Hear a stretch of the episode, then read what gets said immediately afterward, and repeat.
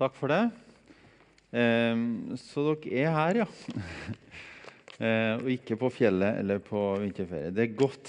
Eh, jeg lurte på om det, om det, var noen her i dag, eller om jeg kom alene. Men eh, det var godt at dere er her. Eh, skal vi be litt? Gode himmelske Far, jeg takker deg for ditt ord. Jeg takker deg for eh, ditt nærvær. og jeg ber at du fyller oss opp nå. Eh, gjør oss i stand til å møte uka som ligger foran. Eh, så ber jeg Jesus at du, at du får denne talen til å høres mye bedre ut enn det den blir sagt. I Jesu navn. Amen. Eh, ja. Det er nåde, det, vet du. Jeg ber om nåde. Eh,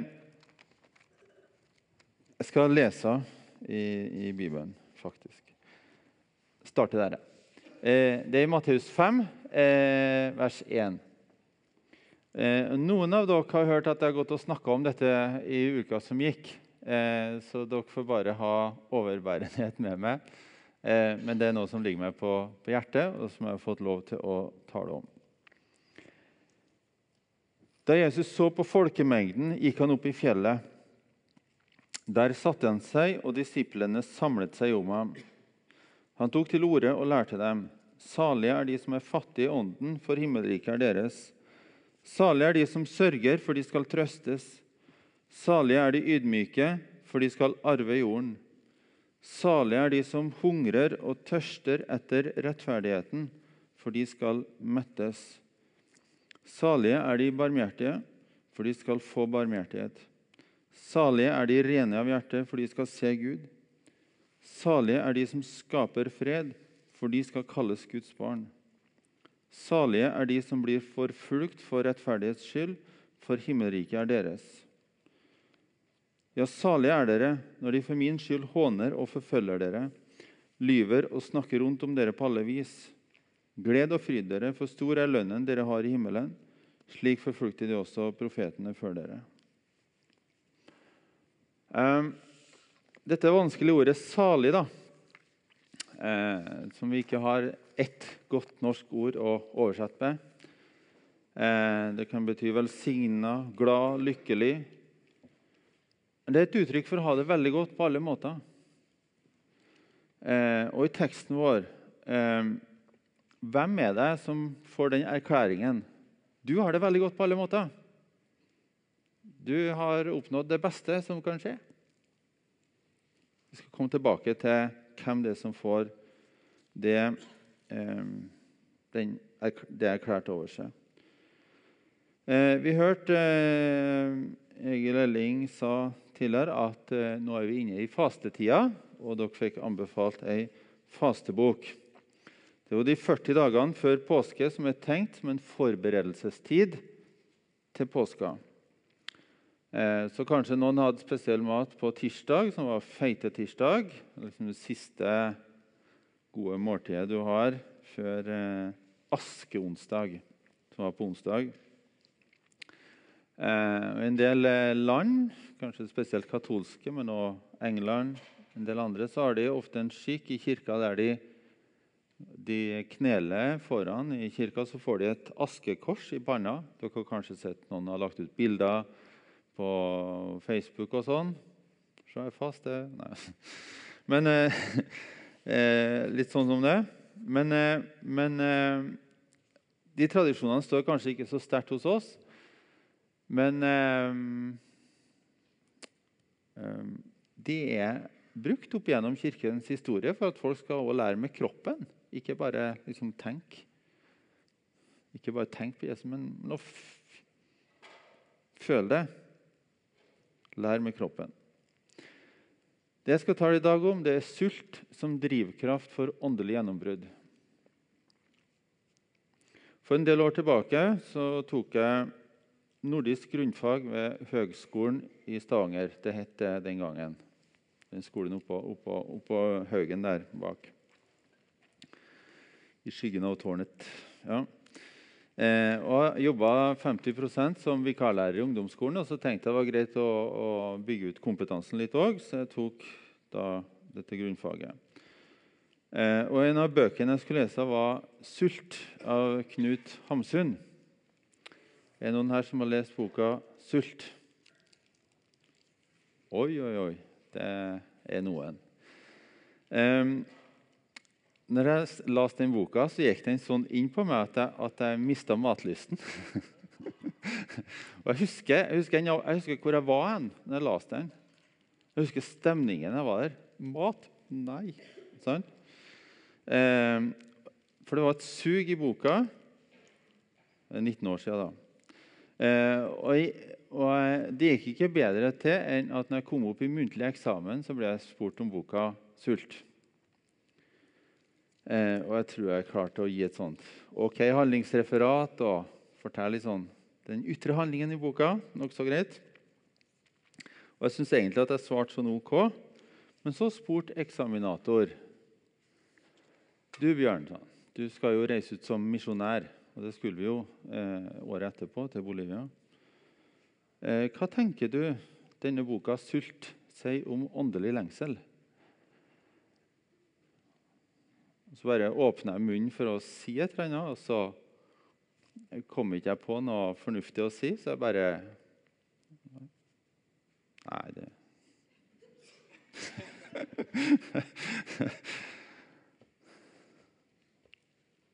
Hedningen Hamsun kunne jo ikke lære meg noen ting om Guds rike. Jeg var jo misjonær in spe. Han kunne ikke lære meg noen ting om åndelig lengsel. Det hører med til historien at jeg gjorde det ikke superbra på den eksamen, men det er noe, det er noen annen ting. Men jeg tenker nå at En gode norsk professor eller hva han var, han hadde lært noe om åndelig lengsel som jeg ikke hadde forstått så mye av eller tenkt så mye på. Tenk at Det å komme til Jesus, det å bli frelst, det er jo målstreken. Da har du jo alt.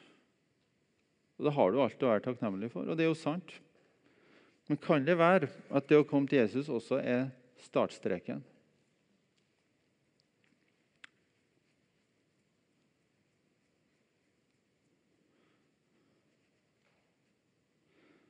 Eh, det er en del ting i Bibelen og i erfaringen som har utfordra meg og fortsatt utfordrer meg, og som egentlig krever at jeg tar et standpunkt i forhold til det.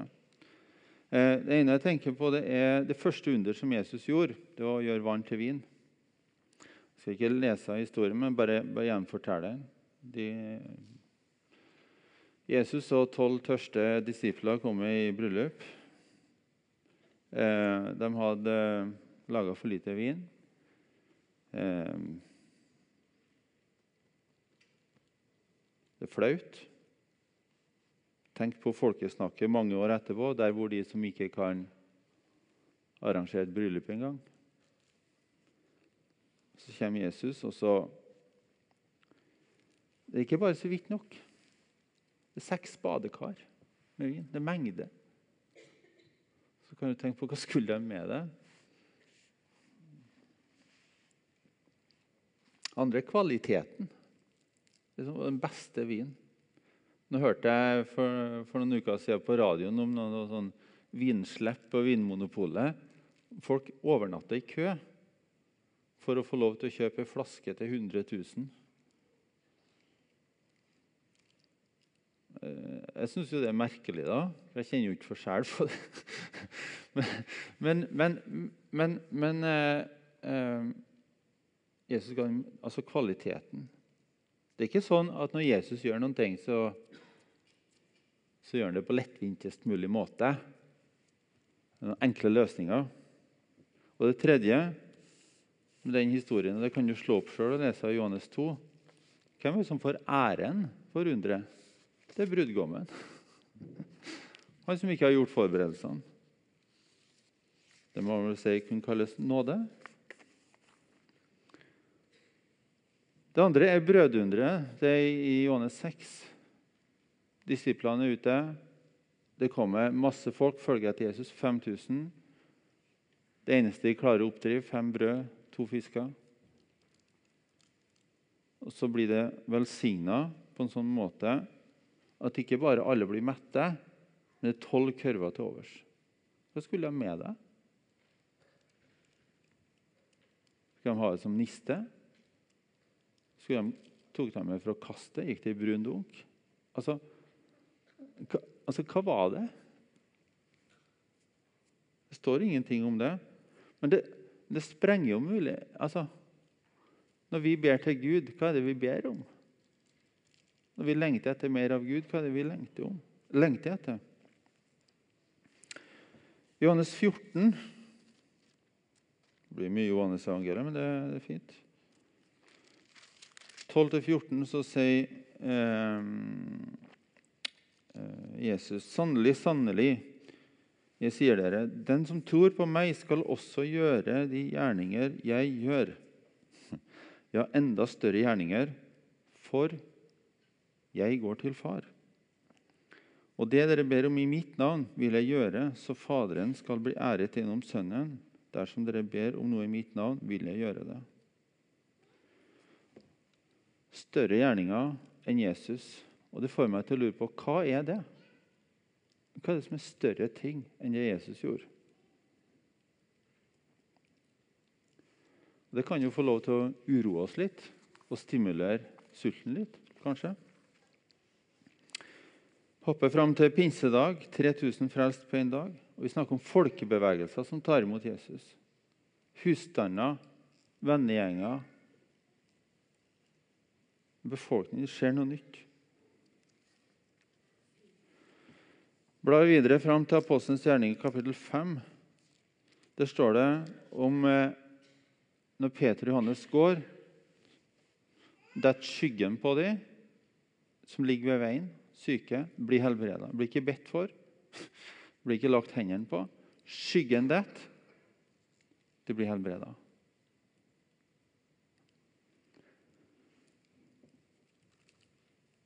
Og ja, Du kan fortsette. Eh, historie etter, etter historie i Bibelen. Det sprenger rammene for hva vi tenker er mulig.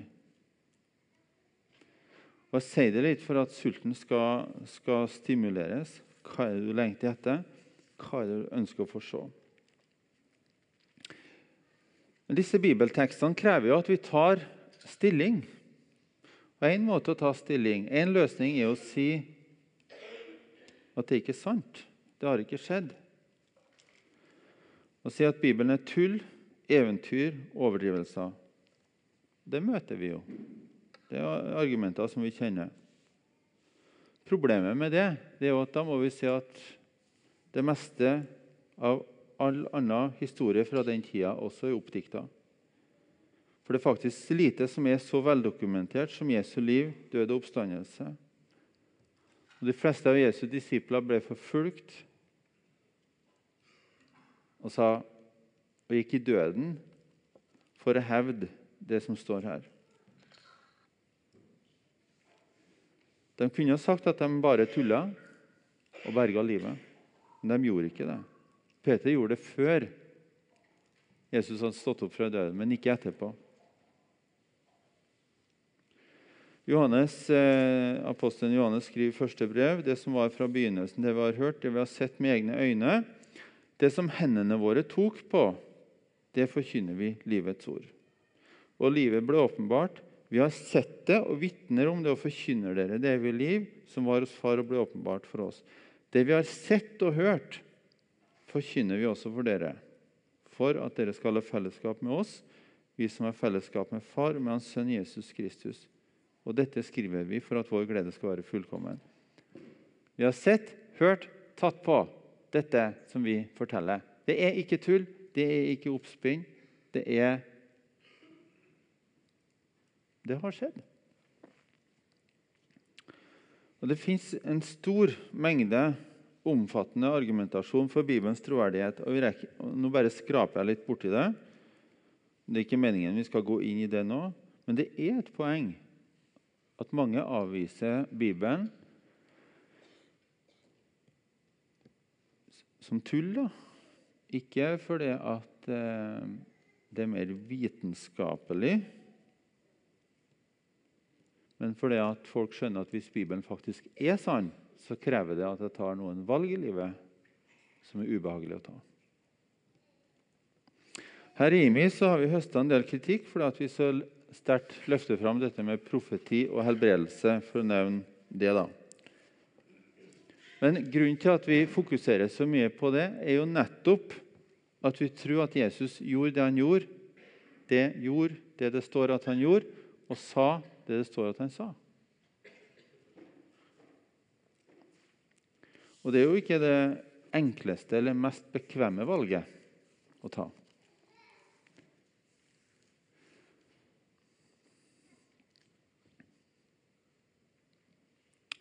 Og så er det de som tenker ja, underet skjedde i Skriften. skjedde med Jesus og det skjedde med apostlene, men det skjer ikke nå. Og det er ikke meninga at det skal skje nå, for vi skal få det i himmelen. Det er en, eh, en eh, teologisk grein da, som kalles sesasjonisme, altså fra engelske 'to cease' å opphøre. Og eh, Det er faktisk mange kristne som, som, eh, som tror det. Eh, at det ikke er meninga at underet er for i dag. Og Det er jo en måte å si eh, Å forklare hvorfor det ikke skjer. Eh, men, men, historien er full av under som skjer gjennom hele historien, men også i dag. Og Flere av disse vitnesbyrdene har dere som sitter i salen i dag. Gud har grepet inn på overnaturlig vis. Skal vi si at det bare var tull? Skal vi si at det Gud har gjort i livet vårt, har vært ingenting? Den tredje løsningen til å ikke lengte etter å få være med på, på det som Gud gjør, det er å si at vi er diskvalifisert. Vi har ikke gått og kost oss med Jesus i tre år. Jeg er jo bare meg. Jeg er jo ikke verdt ting. Jeg har da ingen spesiell nådegave. Og På mange måter så hadde det vært greit å være der. For hvis jeg i utgangspunktet er diskvalifisert, så har jeg heller ikke noe ansvar for å ta initiativ. Easy. Hadde bare vært så vel. Tilbake til teksten som jeg starta med. Matteus 5. Hvem er salige? Jo, det er folk som vi vanligvis tenker det er synd på. Hvem var det? Jo, det var fattige i ånden. Jo, det skal det bety. Det er de som sørger, det er de som ydmyker, og det er de som hungrer og tørster etter rettferdigheten. Det er de som ikke har. De som har behov, de som blir forfulgt osv. Jeg prøver å forstå hvorfor er disse tilstandene som Jesus sier, er salige. Hvorfor er disse som blir frist lykkelig av Jesus.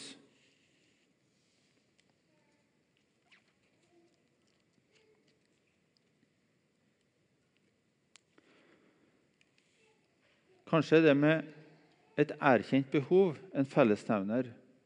At hvis at behovet, et erkjent behov gjør at Jesus får slippe til, at han får slippe til i livet jo, Hvorfor er det så mye vondt i verden? Hører du det blir sagt. Hvorfor gjør ikke Gud noe med det, han som er allmektig og god osv.? Hvis han er det, hvorfor skjer det så mye vondt da? Hvis det kun er et sånn teoretisk problem, en unnskyldning fra å ja, men Da kan ikke kristendommen være sann, da kan ikke Gud være for meg.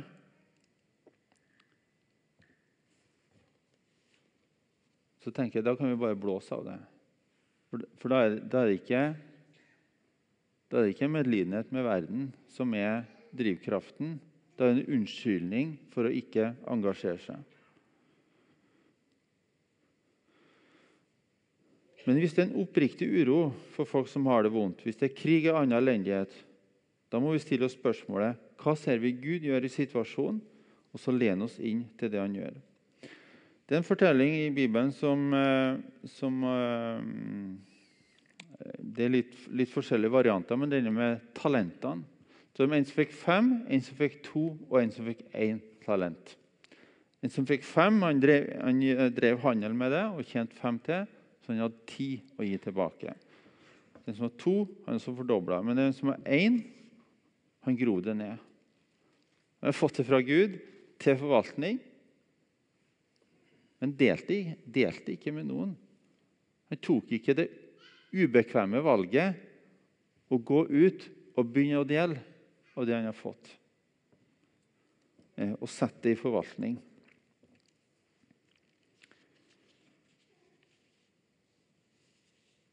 Jeg prøver å si noe om sulten som drivkraft for åndelig gjennombrudd. Eh, hvordan få opp appetitten? eh, hvordan blir du sulten på mer av Gud? Eh, I fjor vår var vi en tur med IMI-institutt til Skopje eh, i Makedonia, der som vi samla inn eh, til nå. Eh, og så En av dagene så hadde vi en sånn studietur da, med eneklassen. at vi, vi, hadde ikke fullt program. Og Da bestemte gjengen seg vi kan jo gå på gata og be for syke. Det er jo fint. Eh, og Så eh, var det litt forskjellig holdning til det. og Så eh, ble vi enige om at eh, noen skulle gå rundt og be for syke, og så skulle noen sitte og be for de som gikk og ba for syke. Eh, og, der, og, og, der, satt jeg sammen eh, satt, vi, satt, vi, der. Og så kom det eh, og begynte å snakke til oss på engelsk, og det var jo uvanlig. Eh, og det viste seg han var fra Syria. Han har eh, brukt alle pengene på menneskesmuglere. Satt igjen familien i Tyrkia. og han var, var en mann på ja, Han sa han var 53 år.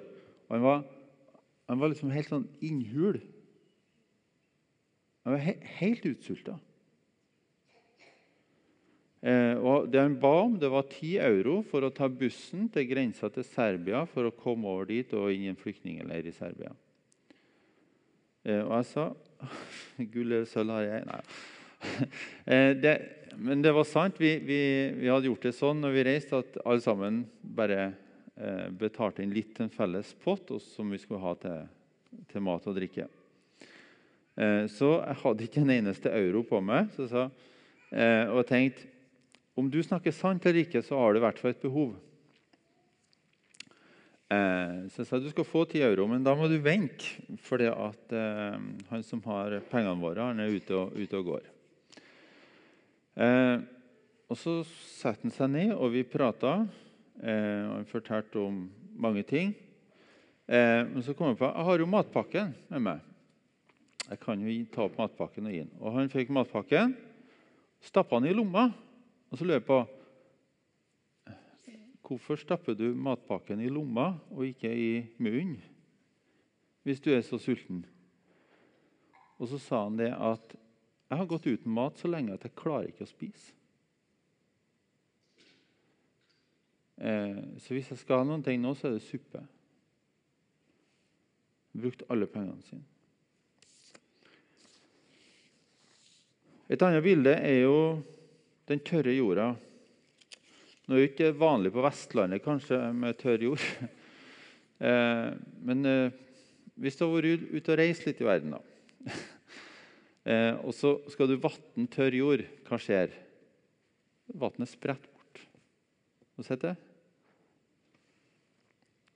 Um, må holde på en stund før det trenger inn.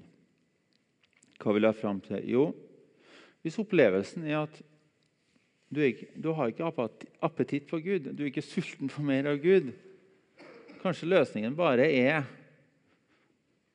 å, å, å stille seg under vannkranen. Altså, kanskje løsningen bare er å være der det blir vanna likevel.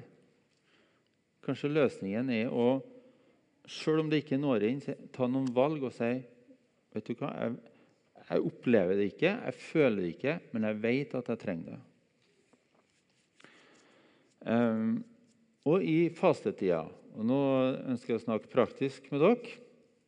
Er det noen ting dere kanskje skal legge vekk for å kjenne på sulten? Um,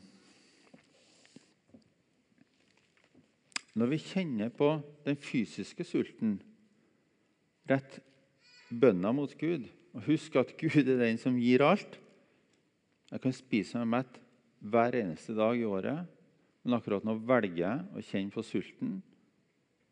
For at jeg vil ha noe mer enn det som kan fylle magen. Jeg vil ha noe mer.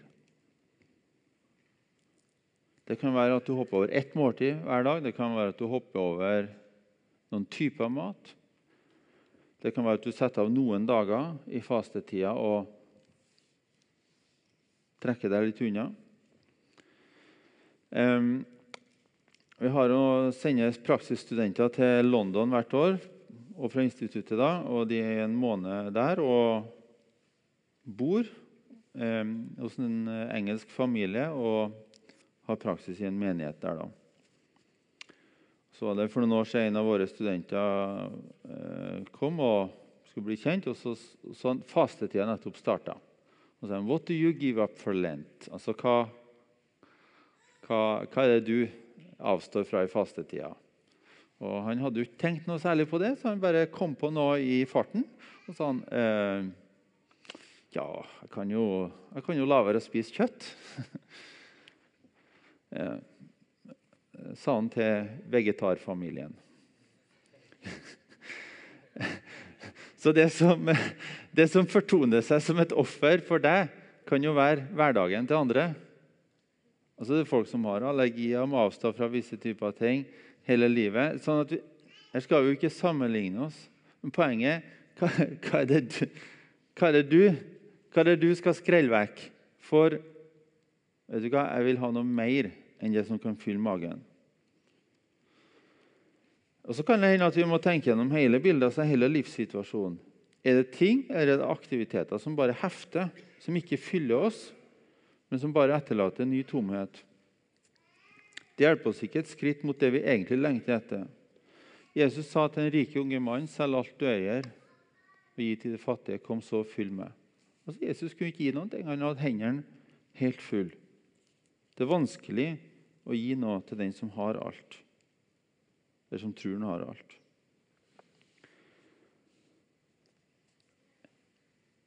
Er det vårt store problem at det ikke er et problem for oss når det åndelige gjennombruddet uteblir.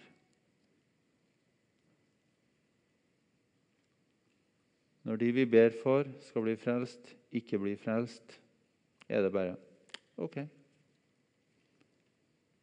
Når de syke vi kjenner, når vi ber for dem Nei, det skjer ikke. OK. Vi lengter etter et ord fra Gud og ikke hører noen ting, så OK.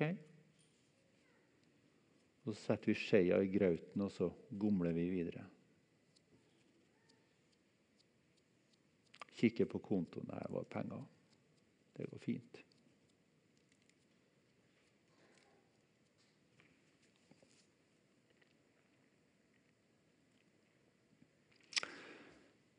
Jesus sa, 'Salig er den som hungrer og tørster etter rettferdigheten, for de skal mettes.' Mettes med hva? er det rettferdighet. Det er ingen åndelig egotripp, men du stiller deg opp som en kanal for Guds velsignelse. En av studentene mine sa her om dagen jeg nekter å være lunken. Det er ikke vår sak å fastslå hva og hvor mye Gud har tenkt å gi oss her i tida. Overflodsfortellingene i Nytestamentet og vår erfaring tilsier dette. Vi har i noen uker her hatt som tema på IMI Missio Dei, Guds misjon, Guds sendelse. Hva er det Gud gjør, og hvordan kan vi være med på det Gud gjør, og hvem er vi sendt sammen med inn i det? Det er store spørsmål, og det er ikke lett å finne ut av alltid. Men kan det tenkes at noe av svaret ligger å dyrke sulten på mer av Gud? Ligger å dyrke hungeren? få opp appetitten, sette oss under vannkranen, skrelle vekk det som ikke tilfredsstiller hjertet, iallfall for en periode, for å kjenne på, når alt kommer til alt, hva er det som egentlig betyr noen ting? Hva er det som er verdt noen ting? Hva er det som er verdt å kjempe for? Hva er det som er verdt å stå på for? Legge seg seint, stå opp tidlig? Hva er det som betyr noen ting? Hva er det som river? Det er noe av det som fastetida handler om. Og La meg si det litt ubeskytta. får dere heller ta det i sjelesorg etterpå. Men uh, den som ikke har appetitt, er enten syk eller død.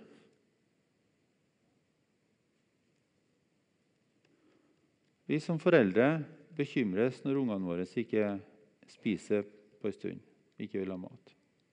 Da går vi til doktor. Lurer på er det noe galt.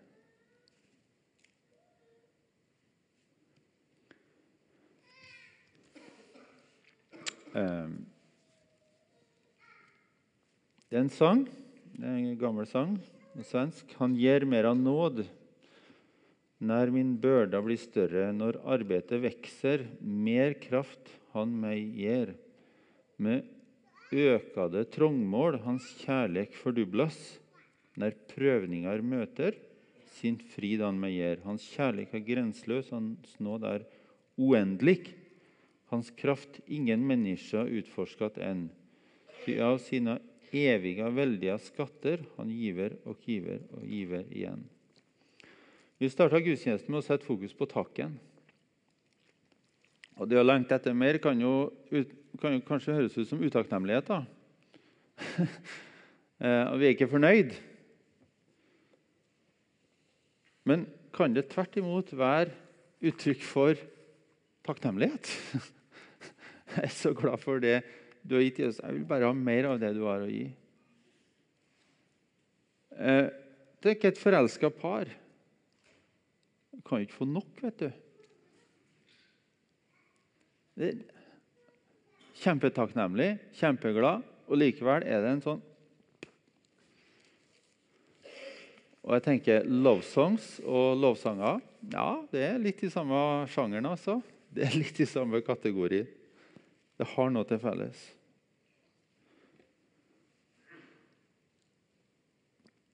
La lengselen bli et uttrykk for takknemlighet til Gud. Gud som vil gi, du som vil ta imot. Jesus, jeg takker deg at du har skapt oss med håp, lengsler, drømmer. Eh, og sult. Jeg ber at du vekker opp igjen sulten, at du vekker opp igjen appetitten på det som er av deg. Eh, jeg ber Jesus at du um, um, At du hjelper oss å finne de som lengter etter de samme gjennombruddene som vi. Sånn at vi lengter sammen. Vi sulter sammen, og vi søker deg sammen. Um, ber at du hjelper oss om det er ting som vi på en måte eh, bare hefter oss, og som, eh, og som ikke tjener verken oss eller deg og ditt rike, og heller ikke andre folk, men som bare etterlater seg tomhet. Jeg ber at du hjelper oss å stille inn lengselen på det som er av deg. Så ber jeg at du fyller oss, Jesus. La oss se ting som vi ikke trodde var mulig. La oss få oppleve ting med deg som vi tenkte bare var for den kommende verden, som bare var for himmelen. Vi bekjenner at vi trenger deg, Jesus.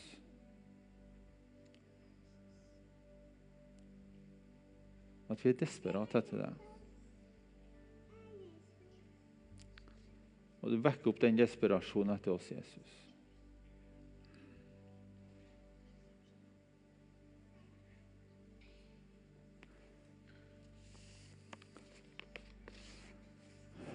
Jeg tror jeg, jeg tror jeg, har lyst til å gjøre det. Jeg tror jeg har lyst til å si at hvis du kjenner, Vet du hva? Jeg vil ta noen nye skritt. Jeg ønsker å, ønsker å fyre opp lengselen. Kan ikke du reise deg, og så skal jeg be for deg?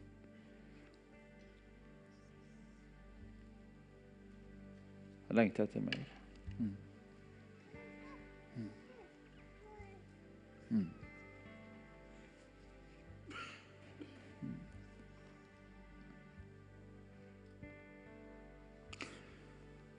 Mm. Så her står vi som et folk som er sulten på mer av deg, Jesus.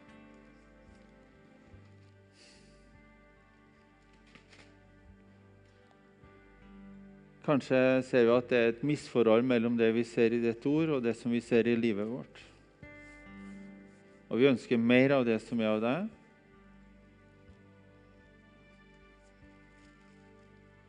Vi ønsker å være til velsignelse for folk. Vi ønsker å være blant de som du kaller salig, de som hungrer og tørster etter rettferdigheten. De som er ydmyke. De som ikke har så mye å legge på bordet sjøl, men som har alt å vinne på å gi sitt liv til deg.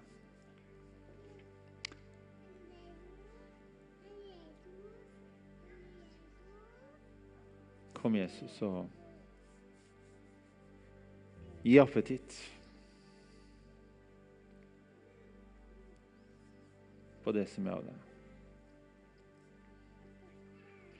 Jeg ber at du vekker opp igjen drømmer som er begravd.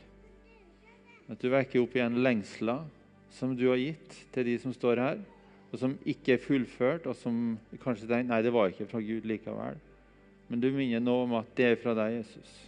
Den lengselen den var fra deg, og den er ikke død.